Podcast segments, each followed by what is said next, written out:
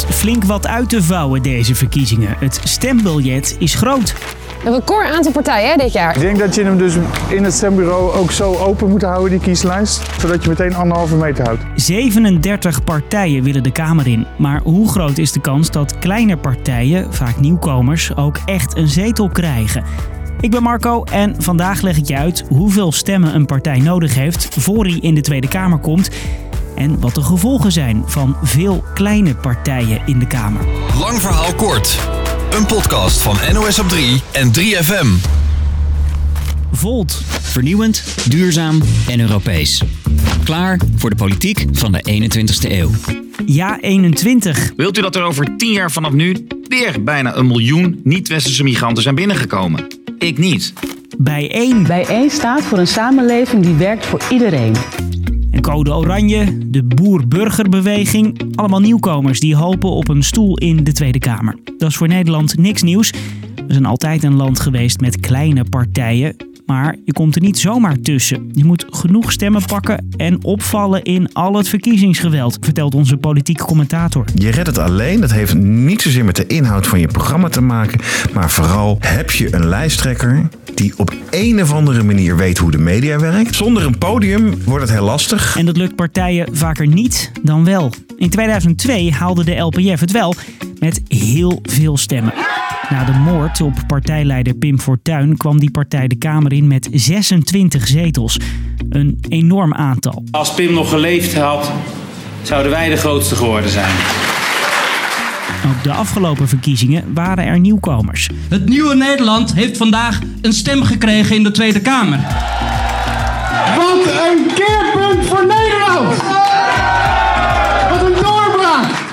En Forum voor Democratie haalden een paar zetels, maar de grote meerderheid valt meestal af. Het is kleine partijen dus wel gelukt, maar hoe? Ligt natuurlijk aan het aantal stemmen. Maar hoeveel heb je er nodig om de Kamer in te komen? Daarin heb je grofweg twee smaken. Je kunt werken met een kiesdeler of een kiesdrempel. Eerst die kiesdeler. Die gebruiken we in ons land. De kiesdeler is eigenlijk een simpel rekensommetje. Je deelt het totaal aantal stemmen door het totaal aantal zetels in de Tweede Kamer. Bij de vorige verkiezingen werd er 10,5 miljoen keer gestemd. Dat deel je dan door 150. En zo zie je, in 2017 moest een partij minimaal 70.000 stemmen hebben voor een plekje in de Kamer. Dat is minder dan 1% van de stemmen. Dan die kiesdrempel. Die hebben ze bijvoorbeeld in Duitsland. Om te voorkomen dat partijen met één of twee zetels in de Kamer komen, maken ze die drempel hoger. Een politieke partij moet minimaal 5% van de stemmen halen voor een zetel krijgen. Betekent dat het nog moeilijker is om ertussen te komen. De kiesdeler is dus het totaal aantal stemmen gedeeld door het totaal aantal zetels. Bij een kiesdrempel moet je een hoger percentage van de stemmen halen voor je zetels krijgt.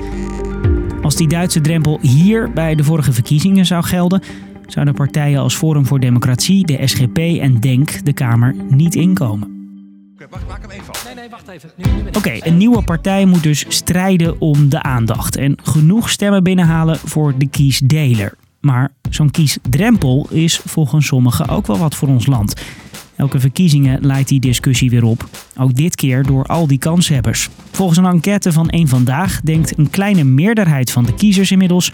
Doe maar, zo'n kiesdrempel. Versnippering is een woord wat heel veel terugkomt bij mensen. Het, het lijkt sommigen ook lastiger om een coalitie te vormen met zoveel kleine partijtjes. En sommige partijen hebben het ook in hun verkiezingsprogramma opgenomen. Maar volgens deze politicoloog moeten we het niet doen. Kleine partijen zijn belangrijk. Het Nederlandse kiesstelsel is heel goed om nieuwe geluiden in de samenleving en groepen die anders uh, buiten beeld blijven, om die goed te vertegenwoordigen. En volgens deze hoogleraar staatsrecht hoort het bij ons land. Wij zijn gewoon een veelstromenland. Dat zit in onze aard. Dat is niet nieuw. Dat is eigenlijk al sinds de 17e eeuw zo. Geen grote machtsblokken. En dan kom ik nog even terug op die enquête van net. Jonge kiezers zijn juist geen voorstander van zo'n kiesdrempel. Jongeren stemmen iets vaker op, op kleinere partijen. Mm. Hè? Volt bij 1, Ja 21, ook Forum. Jongeren kijken wat opener naar, naar andere partijen. Die zitten natuurlijk nog niet zo heel erg in de, ja, de groef. En dan klinkt 37 partijen waar je nu op kunt stemmen als een enorm aantal. Het valt mee als je het vergelijkt met 1922. Toen stonden er 53 partijen op het stembiljet. Zie dat maar eens netjes uit te vouwen. Dus, lang verhaal kort. Er doen veel partijen mee deze verkiezingen, maar de kans is groot dat de meeste nieuwkomers het niet halen. Je moet in Nederland minimaal tienduizenden stemmen krijgen voor een zetel. De kiesdeler noem je dat. Sommigen vinden dat ook ons land een kiesdrempel moet krijgen.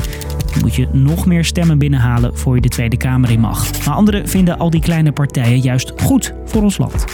En dat was hem weer. Succes met al je vouwkunsten in het hokje.